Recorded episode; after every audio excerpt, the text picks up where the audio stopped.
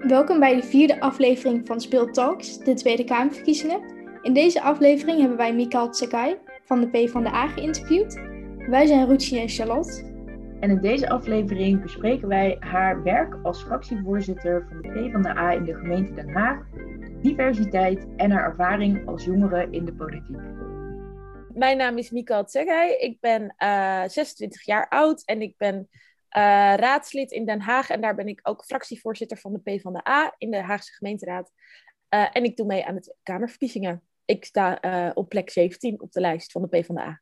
Oké, okay, dankjewel. Um, waar kom je vandaan? ik ben opgegroeid in Haarlem. Um, en daar heb ik eigenlijk ja, mijn hele jeugd gewoond. en ik ben toen op mijn achttiende naar Den Haag verhuisd voor mijn studie bestuurskunde aan de Universiteit Leiden. Uh, nou, die heb ik inmiddels afgemaakt. Ik doe nu een uh, master in Development Studies aan de Erasmus Universiteit. Uh, ja, en ik ben dus uh, opgegroeid in Haarlem. Ik kom uit een gezin. Um, ja, mijn, ou mijn, ouders komen uit Eritrea, dus uit een Eritrese familie eigenlijk. Okay. Um, ja, en zo. En zo in Den Haag terechtgekomen voor mijn studie. Oké, okay, leuk. Ja. En je bent dan inderdaad nog student, want je volgt de master, wat je al zei. Ja. Hoe combineer je dit met, uh, met je werk als uh, raadslid en fractievoorzitter? Um, nou, het, het, ging in het begin niet zo goed. want ik heb uiteindelijk dus ook zeven jaar over mijn bachelor gedaan. Wat echt helemaal niet de bedoeling uh, was. Veel te lang. Um, maar toen ik aan mijn master begon, heb ik besloten om dat dan in deeltijd te doen. want toen was ik inmiddels ook fractievoorzitter geworden. Um, dus, uh, en dat gaat wel een stuk beter.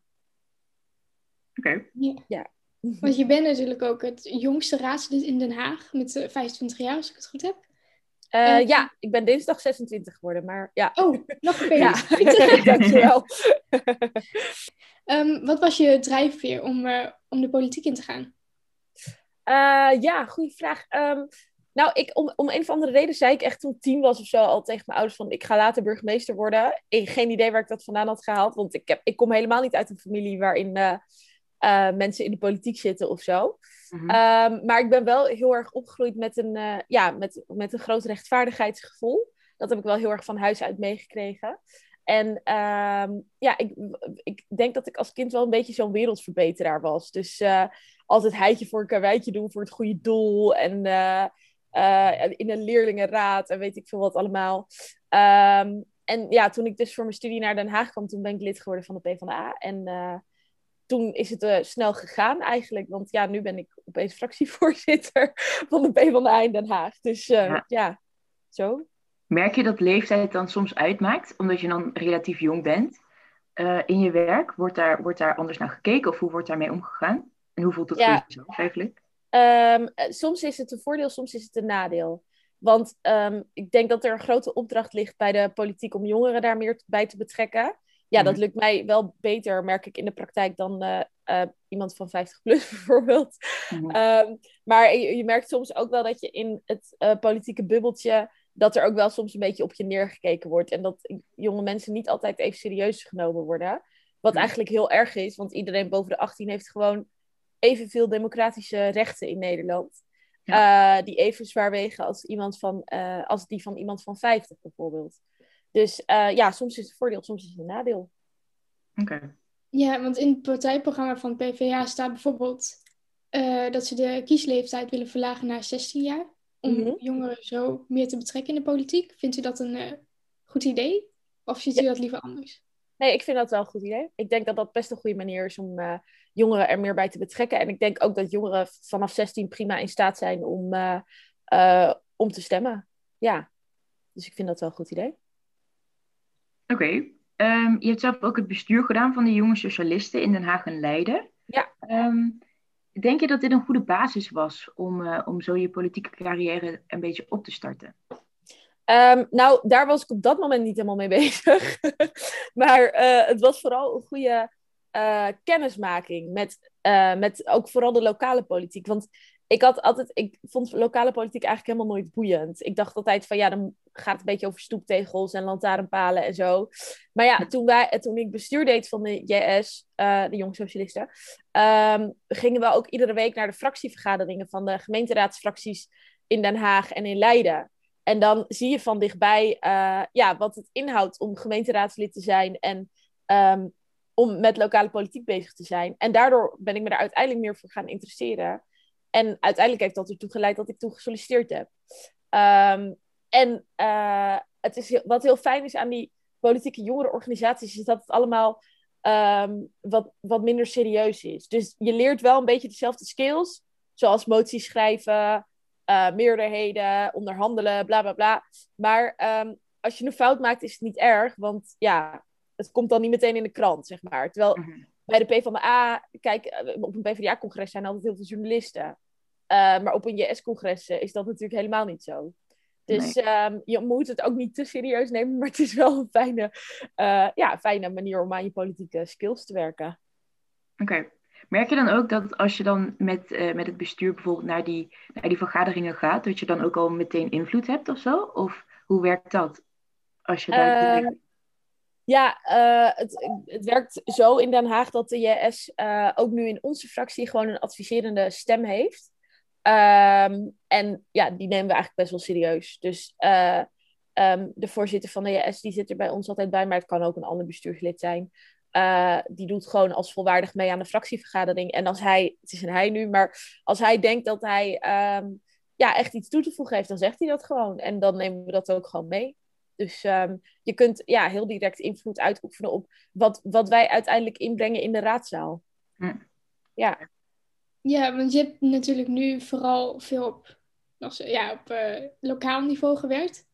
Um, stel je voor, je komt in de Tweede Kamer. Hoe denk je dat dat uh, zou veranderen naar landelijk niveau? Um, uh, ik denk dat je werkveld veld is natuurlijk letterlijk groter dan. Kijk, nu is het best wel simpel. Als er iets aan de hand is in de stad, dan pak ik de fiets en dan ga ik er even heen. Nou ja, soms pak ik de tram, want Den Haag is ook groot. Maar, maar hè, meestal binnen een half uur ben ik gewoon waar ik moet zijn. En dan kan je met die mensen in gesprek en dan kan je uh, uh, zelf met je eigen ogen zien wat de situatie is en zo. Um, nou, en natuurlijk kan dat ook wel als, je, als heel Nederland je werkveld is, maar dat is wel moeilijker. Um, het uh, vergt meer reistijd om naar Noordoost-Groningen te gaan dan om vanaf het centrum van Den Haag naar uh, Loosduinen te gaan. Dus dat is een beetje aan de rand van Den Haag voor de mensen die dat niet weten. Um, dus ja, dat, dat gaat veranderen. Dus je hebt veel meer mensen die je moet vertegenwoordigen. Die ook op, op een veel groter uh, oppervlakte wonen, letterlijk en figuurlijk.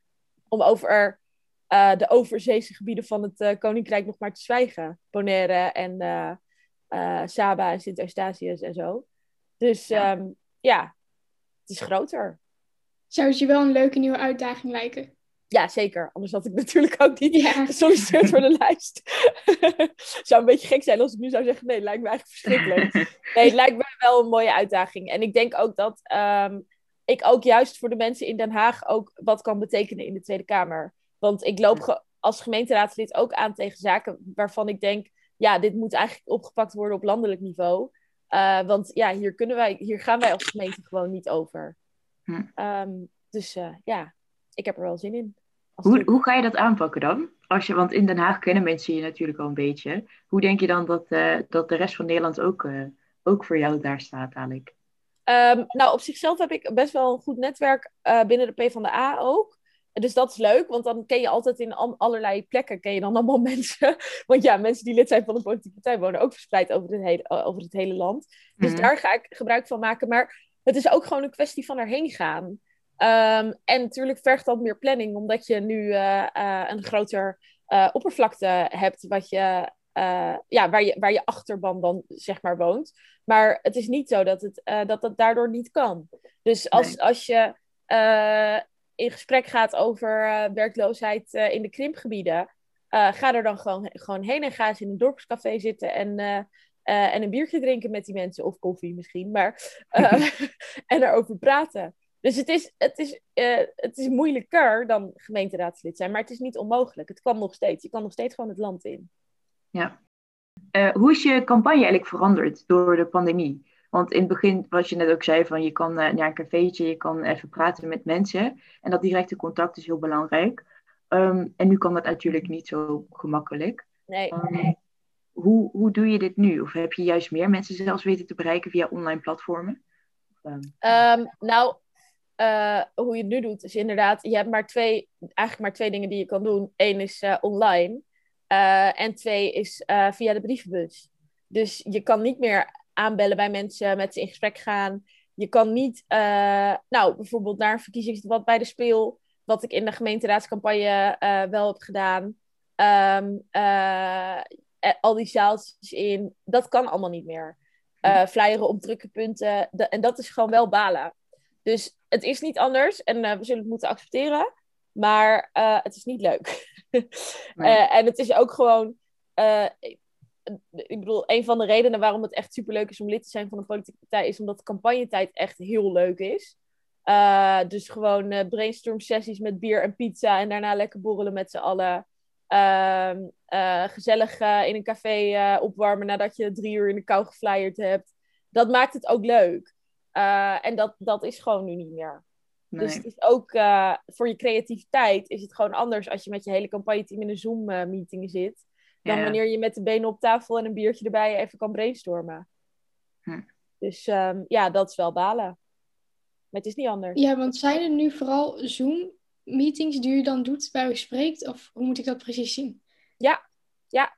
Uh, ik heb toevallig morgen een uh, debat van de PKVV in Leiden. En dat is dan wel uh, fysiek. Het zijn de kandidaten fysiek aanwezig, zeg maar. maar ik begreep al dat zij bijvoorbeeld ook al helemaal daarvoor een vergunning moesten regelen van de gemeente en zo. Dus het is best wel ingewikkeld om dat nu te organiseren. Ehm, dus ja, het meeste is gewoon uh, online, in Zoom-sessies en in Teams-sessies en in Google Meet-sessies en uh, uh, podcast, heel veel. dus, maar ik vind dat wel leuk, want ik, ik zie gewoon wel dat ja, organisaties en verenigingen zoals de Speel, maar ook binnenkort heb ik ook een afspraak bij de LSVB voor een opname van een podcast, dat die allemaal echt aan de slag gaan om hun achterban aan te spreken voor de verkiezingen. En dat is volgens mij het belangrijkste. Hm. Oké. Okay. Ehm, als je terugkijkt naar je werk als raadslid, um, waar wel ben je dan het meest trots op? Dus welke dingen heb je bereikt waar je echt denkt van dit heb ik uh, gedaan? Um, ja, nou, het zijn wel een paar dingen. Um, allereerst uh, denk ik toch wel het hele Zwarte Pieten dossier. en ja, mensen zeggen dan soms van ja, het is toch niet het belangrijkste, bla bla bla. Maar Den Haag was de eigenlijk de enige stad nog van de G4-steden, van de vier grote steden, die nog geen afscheid had genomen van Zwarte Piet.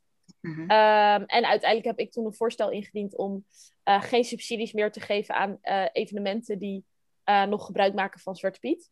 en dat is toen aangenomen. Dus daar ben ik heel blij om. Want ja, weet je, in Nederland hebben we gewoon vrijheid van meningsuiting en dat is ook heel goed. en je mag aantrekken wat je wil, maar dat betekent niet dat wij daar als, als gemeente aan mee hoeven te betalen.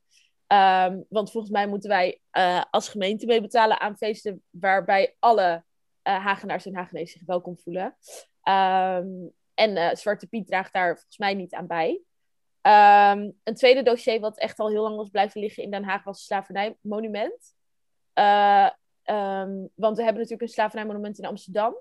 Maar steeds meer steden doen dat ook lokaal en kijken ook naar wat, wat, de wat de invloed was van uh, van hun stad op slavernij. Nou, de invloed van Den Haag was groot, want Den Haag is natuurlijk het bestuurlijke centrum van Nederland al heel lang. Um, en in Amsterdam werden de centen daaraan verdiend, maar in Den Haag werden de beslissingen daarover genomen. Um, en in Den Haag kwamen ook de eerste uh, uh, bijeenkomsten en protesten uh, tegen slavernij. Dus om van slavernij af te stappen. Om het af te schaffen, bedoel ik. um, dus Den Haag heeft echt een historische rol gespeeld in, in de slavernij uh, verleden van Nederland. En als je op het Lange Voorhout loopt, dan al die gebouwen die daar staan, hebben iets te maken met slavernij. Ik heb wel eens zo een wandeling gedaan met een stadshistoricus en ik schrok er echt van, want ik had geen idee. Um, maar echt ieder gebouw op de Lange Voorhout he heeft een geschiedenis met slavernij. Dus het, is belangrijk dat, dat, dat je dat ook uitdraagt als stad. Van, dit is onze band daarmee. Uh, uh, en we willen dat ook op een uh, ja, mooie manier herdenken. En willen mensen ook de ruimte geven om dat te herdenken. Um, nou, dat komt er nu, dus daar ben ik heel trots op. En als laatste, denk ik, totaal iets anders, um, is uh, gratis huiswerkbegeleiding voor kinderen in uh, de bibliotheken.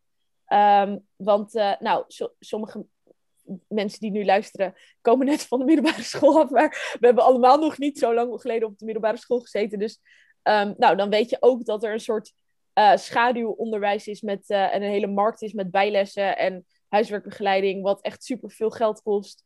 Uh, nou, voor je ouders waarschijnlijk. Misschien konden je ouders wel helemaal niet betalen, zoals die van mij.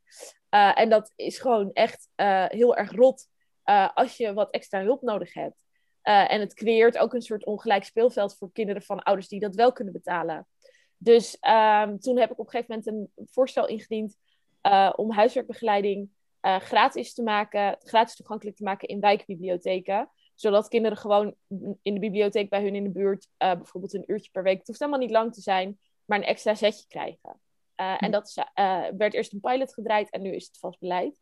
en daar ben ik super blij mee. Um, maar gelijkheid, dat is in principe dus ook wat je zegt met, met als kinderen um, huiswerkbegeleiding krijgen, zodat iedereen daar in feite toegang tot heeft. Um, zou je dit ook op landelijk niveau willen, willen doorzetten, bijvoorbeeld? Um, ja, ik vind wel dat er een um, plafond moet zijn aan de markt voor uh, schaduwonderwijs. Zo noemen ze dat, schaduwonderwijs. Uh, want die is de afgelopen jaren verzevenvoudigd. Dat is echt bizar. Uh, en de prijzen worden steeds hoger. en de kwaliteit van het schaduwonderwijs wordt ook steeds beter, wat op zichzelf goed is. Maar daardoor vergroot je dus uh, de, de achterstand uh, van kinderen die dat niet kunnen betalen. Hm. Um, dus ik zie gewoon het liefste dat de Rijksoverheid zegt van... we betalen gemeentesubsidie om dat in die, in die bibliotheken te regelen. En dan kan ieder kind sowieso gewoon naar de bibliotheek... voor wat extra huiswerkbegeleiding of buurthuis, maakt natuurlijk ook niet uit. Um, uh, dat, dat zou ik liever zien. Dus ja, als dat, als dat mogelijk is, dan vind ik zeker dat we dat landelijk moeten doen. En ik ga daar ook zeker mijn best voor doen. Even kijken, ik ben natuurlijk al jong begonnen bij uh, Jonge Socialisten. Uh, heeft u er moeite mee gehad om te kiezen voor een bepaalde partij? Heeft u nog getwijfeld tussen partijen of uh, was u meteen, voelde u zich meteen thuis bij de PvdA? Um, ja, dat is wel een grappig verhaal. ik heb toen ik 16 was, drie dagen stage gelopen bij de VVD. En dat was omdat je, ja, op de middelbare school moest je in mijn tijd, in ieder geval, dat is ook alweer tien jaar geleden, een maatschappelijke stage doen. Um, en een decaan van mij die wist dat ik politiek interessant vond. En die had uh, een stage voor mij geregeld bij een oud leerling van onze school die Kamerlid was geworden. En dat was dus uh, Art van der Steur van de VVD, die later minister van Justitie is geworden. Uh, en daar heb ik drie dagen stage bij gelopen. Nou, toen wist ik twee dingen. Dat ik uh, absoluut geen lid zou gaan worden van de VVD. Maar dat ik politiek wel heel leuk vond. Um, dus toen ben ik een beetje gaan kijken. Toen heb ik nog overwogen om lid te worden van de SP. Maar uh, hoe ouder ik werd, hoe meer ik eigenlijk... Weet je, als je 15 bent, vind je dat leuk. Die schreeuwerige toon van de SP. Maar op een gegeven moment denk je ook van... Ja, wat bereiken, wat bereiken ze er nou eigenlijk mee? Uh, ja, niet zoveel. Um, en uh, ja, dus dacht ik, ja, ik toch een iets meer gematigde partij. En toen ben ik dus bij de PvdA uitgekomen. Maar ik heb wel inderdaad de programma's ook gelezen van die partijen. En wat ik mooi vond aan de PvdA was ook, um, uh, de, ook, ook een blik naar buiten, zeg maar. Dus de PvdA had ook in haar beginselenprogramma, heet dat dan, dat soort programma van alle partijen waar alle idealen en beginselen in staan ook internationale solidariteit bijvoorbeeld staan. Um, uh, en dat vond ik mooi, dat vind ik ook belangrijk. Uh, we leven, je bent niet alleen op de wereld, zeg maar. Dus uh, uiteindelijk ben ik de, lid geworden van de PvdA. Hm. Ja, en daarna heb ik ook nooit meer getwijfeld eigenlijk. Dus ja. Oké. Okay. En welke punten in het verkiezingsprogramma van de PvdA ben je nu ook het meest trots? Of waar sta je zelf echt het meeste achter? Waar ik het meest achter sta, is denk ik uh, dat we zijn veranderd van standpunt over het leenstelsel. Um, en kijk, heel veel mensen vinden het altijd een soort van uh, uh, slecht, een slecht iets als politieke partijen veranderen van mening. Maar ik vind dat juist goed. Want ik denk ook van, het sociaal leenstelsel was juist bedoeld om het eerlijker te maken. Het mhm. stelsel, dus om alleen nog kinderen van minder rijke ouders, zeg maar, geld, studiefinanciering te geven. Maar het heeft eigenlijk gewoon niet goed uitgepakt. Want wat het, wat het heeft uh, veroorzaakt is uiteindelijk dat een hele generatie studenten met gigantische schulden opgezadeld uh, zit. Uh, en de PvdA is daarover dus veranderd van mening. En ik denk dat dat goed is. Ehm, dus ik denk ook dat het goed is dat er niet alleen in staat dat de basisbeurs terug moet komen, maar dat we ook moeten kijken naar compensatie van de huidige generatie studenten. Waar ik persoonlijk heel blij mee ben, want ik durf mijn duo niet meer te openen. maar gelukkig hoeft dat voorlopig ook nog niet, want ik ben nog gaan studeren. Maar ehm, eh, ik denk wel dat dat heel goed is. Want het, als de, alleen de basisbeurs terug zou komen, zou je nog steeds uh, generatie studenten hebben, jongeren hebben die met hele hoge schulden zitten en daardoor bijvoorbeeld geen huis kan kopen en zo. Hm. Uh, dus daar ben ik heel erg blij mee. En waar ik ook heel trots op ben, is het hoofdstuk over discriminatie en racisme. dat is echt een stevig hoofdstuk. Ehm, en ik denk ook steviger dan de PvdA eerder had. En ik denk dat dat heel goed is, want ik denk dat dat echt een direct resultaat is van bijvoorbeeld de Black Lives Matter uh, demonstraties van het afgelopen jaar. Ehm, en uh, ja, ik uh, ben daar wel trots op dat dat goede invloed heeft gehad op het, ons partijprogramma.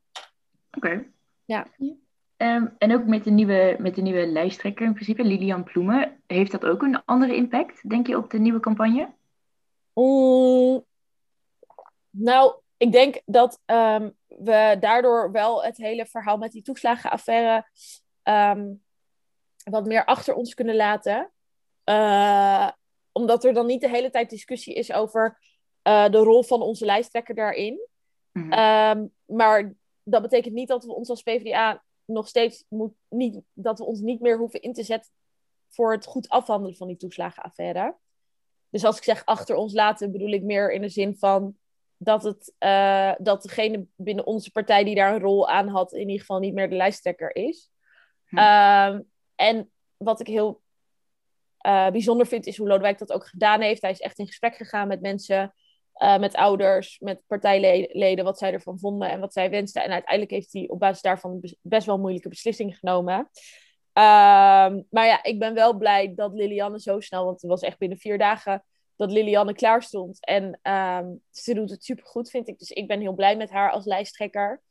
Uh, en ik vind het super bijzonder dat uh, de PvdA uh, even kijken, dinsdag worden we 75, 75 bestaan we 75 jaar. Okay. Uh, dus dat we op de valreep voor ons 75-jarig jubileum nog een vrouw voor het eerst aan het roer hebben uh, gekregen. Dat vind ik echt wel bijzonder. -hmm. Dus um, wat dat betreft vond ik het wel een historische dag. Toen. Ja. Ja. ja. Vindt u het belangrijk dat er meer vrouwen in de politiek komen? Ja, het is heel belangrijk. Het is, vrouwen zijn de helft van de, van, van de Nederlandse bevolking. Dus het zou toch raar zijn uh, als er geen vrouwen in de politiek uh, zouden zitten. Uh, dat is één. En twee is ook um, de, hoe, hoe, representatiever, hoe beter een democratie functioneert. Dus um, het is heel, heel belangrijk dat er mensen van alle genders, van alle kleuren, geloven, leeftijden, opleidingsniveau in de politiek zitten. Hmm. Um, dus ja, ik juich dat alleen maar toe. Oké. Okay als je nadenkt over tips en misschien ook ervaringen die je zelf hebt opgedaan, uh, welke skills of zo zijn ook nodig om uh, in de politiek een soort van het goed vooruit te komen? Um, uh, je moet sociaal zijn, want ja, de PvdA is ook gewoon een vereniging. En om verder te komen met elkaar, ja, moet je ook investeren in, in gewoon relaties binnen de partij. sociale relaties bedoel ik daarmee. Um, en maar dat geldt ook buiten je eigen partij. Want in Nederland moet je altijd een meerderheid hebben om iets te bereiken. En dan helpt het wel als de onderlinge relaties goed zijn. Uh, en je moet oprecht intrinsiek gedreven zijn. Want, uh, nou ja, uh, er is altijd veel te lezen over dat gemeenteraadsleden het gewoon soms wel moeilijk hebben. Omdat um, je krijgt parttime betaald, maar meestal ben je daar eigenlijk fulltime mee bezig. Um, en politie hebben steeds meer te maken met bedreigingen. Um, uh, er komen steeds meer verantwoordelijkheden bij. Um, dus het is niet altijd glamorous en leuk, zeg maar. Soms wel heel erg, maar soms ook heel erg niet. Um, dus uh, je moet het echt heel leuk vinden. Uh, je, moet, je moet echt diep van binnen voelen van ik wil dit doen en dit is waarvoor ik het doe. want anders hou je het niet vol. Dus dat. Ja. ja. Heeft u het idee dat dat bij een jongere partij bijvoorbeeld beginnen als jongere, dat dat uh, een goede basis geeft om verder de, poli de politiek in te gaan? Um, ja, kan wel. Maar het hoeft niet. als je het niet. Ik, ik ken ook mensen die het niet leuk vinden. En die het niet gedaan hebben. En die toch prima terecht zijn gekomen binnen de PvdA. Maar wat gewoon goed is, is ehm, eh, dat je... Uh, dat je, met, dat, je dat je op een hele jonge leeftijd mensen leert kennen waarmee je ook verder groeit binnen de partij. Dus je, en ook daardoor weer ken je ook uiteindelijk overal wel mensen. Want um, de JS en al, bijna alle andere politieke jongerenorganisaties zitten door heel het land. Um, dus je kent overal wel mensen. En um, ja, als je bijvoorbeeld uh, dan ooit op de kandidatenlijst uh, terechtkomt voor de Tweede Kamerverkiezingen, dan is het wel handig dat je nog wat uh, partijgenoten in Groningen kunt mobiliseren. Die jou mm. kunnen helpen om je plek te behouden, bijvoorbeeld. maar ook uh, omdat het gewoon leuk is om op een uh, activistische en ludieke manier, want dat kan in de jongerenpartij, kan je alles, alles doen, uh, politiek te leren maken, zeg maar. dus je leert er echt superveel van. Dus ik, ja, ik vond het zelf heel nuttig, maar nogmaals, het hoeft niet. Maar ik, ik, heb, er wel wat, ik heb er wel nog steeds wat aan. Oké. Okay. Um, kijk, we hebben dus voor elke politicus die wij interviewen voor, voor de podcast drie stellingen. Mm -hmm. Uh, allemaal dezelfde stellingen. En dan zijn we benieuwd wat u daarvan vindt. Ja. Even kijken. We hebben het er net al heel even kort over gehad. Uh, maar de eerste stelling is: Vindt u dat de studiebeurs terug moet komen? En zo ja, in welke vorm? Um, ja, ik uh, vind dat de studiebeurs terug moet komen. Um, en ik denk wel dat er gekeken moet worden naar weer een inkomensafhankelijke um, insteek. Dus ik denk niet dat het heel eerlijk is als uh, uh, kinderen van superrijke ouders hetzelfde bedrag krijgen als kinderen uh, van een bijstandsmoeder bijvoorbeeld. Um, maar ik denk wel dat het terug moet komen. En ik denk ook dat er dan gekeken moet worden naar compensatie van de huidige studenten die nog in het leenstelsel vallen. Staat u achter het huidige klimaatakkoord, het Nederlands klimaatakkoord? Um, waarom wel of niet? Um, nou ja, ik denk, ik, ik denk dat het huidige Nederlandse klimaatakkoord een goed begin is. Maar wat echt belangrijk is, is um, dat we wat meer de gewone huishoudens zeg maar, gaan ontzien. Uh, en dat de vervuiler betaalt. En de vervuiler is, zijn toch vaak de grote bedrijven. Um, en die worden nu volgens mij te veel ontzien. Dus um, ik, mijn collega zegt, ik ga zelf niet over duurzaamheid in de gemeenteraad, maar mijn collega zegt altijd, ja, het is moeilijk groen doen als je rood staat. Nou, dat is dus echt waar. Want je kan niet, uh, als je niet zoveel te besteden hebt, ga dan maar eens een warmtepomp in je huis uh, uh, installeren. Um, of zonnepanelen kopen, et cetera. Om nog maar te zwijgen over als je niet eens zelf een koophuis hebt, maar zoals waarschijnlijk alle luisteraars van deze podcast, gewoon een huurhuis. Ik heb ook een huurhuis. Ik heb geen idee wat ik zou kunnen doen om mijn huis duurzamer te maken. Um, en volgens mij moeten we veel meer uh, aansluiten op de dagelijkse belevingswereld van mensen. Um, uh, om duurzaamheid echt zeg maar ingeburgerd uh, te laten raken in het dagelijks leven van alle Nederlanders. En daarnaast moeten we dus de grote vervuilers, de grootste vervuilers, meer laten betalen en meer laten bijdragen. Dus um, of ik achter het huidige klimaatakkoord sta, nou, ik, ik ben er niet tegen, maar ik vind het, nou, ik vind het slechts een, een klein begin, zeg maar. Dan als laatste, vindt u het een goed idee dat er een Europees leger zou komen? Um, ik vind dat eigenlijk niet zo'n goed uh, idee. Um, even, ik had het opgeschreven. nou, waarom is, ik heb me er even over ingelezen, want dit is niet een onderwerp waar ik me elke dag mee bezig hou als, uh, als, raads, als raadslid. Ja, um, maar ik heb uh, wel toevallig een oud studiegenoot van mij die, zich, die bij Defensie werkt en zich hiermee bezighoudt. Um, dus die heeft mij er wel eens over verteld. Maar wat ik denk is, uh, volgens mij um, gaat het al niet super lekker binnen de NAVO op dit moment. Want er is onvrede over wie hoeveel bijdraagt en bla bla bla. Um, volgens mij zijn we ook nog niet in een vergevorderd stadium van uh, internationale militaire samenwerking. Dus volgens mij is het veel te voorbarig om nu met een Europees leger te komen. Uh, dus ik denk dat dat nog niet nu een goed idee is. Wilde u voor de, voor de rest nog iets zeggen tegen, tegen onze luisteraars? Of heeft u nog. Uh, um, nou, ik, er is één ding wat ik wil zeggen. En dat is. Um, kijk, ik, ik ben natuurlijk kandidaat voor de P van de A. Maar uh, ik vind het eigenlijk heel erg belangrijk dat jongeren gewoon gaan stemmen. Um, en er staan op alle lijsten jonge mensen, gelukkig. Op bijna, bij, bij bijna alle kieslijsten, bijna alle politieke partijen zijn er twintigers eh, te vinden op de lijst. Dus stem ook vooral op iemand van je eigen leeftijd. Want de, de gemiddelde leeftijd nu in de Tweede Kamer is 48. En er, er is geloof ik maar één Kamerlid onder de 30. En dat is natuurlijk best wel raar. Dus uh, gebruik je stem ook om uh, je te laten vertegenwoordigen in het parlement straks. Want dat is gewoon super belangrijk. Dus um, dat lijkt mij een mooie nabrander. Dankjewel. Erg leuk dat je mee wilt doen. En ja. heel veel succes in de komende verkiezingen. En jullie bedankt voor het leuke gesprek.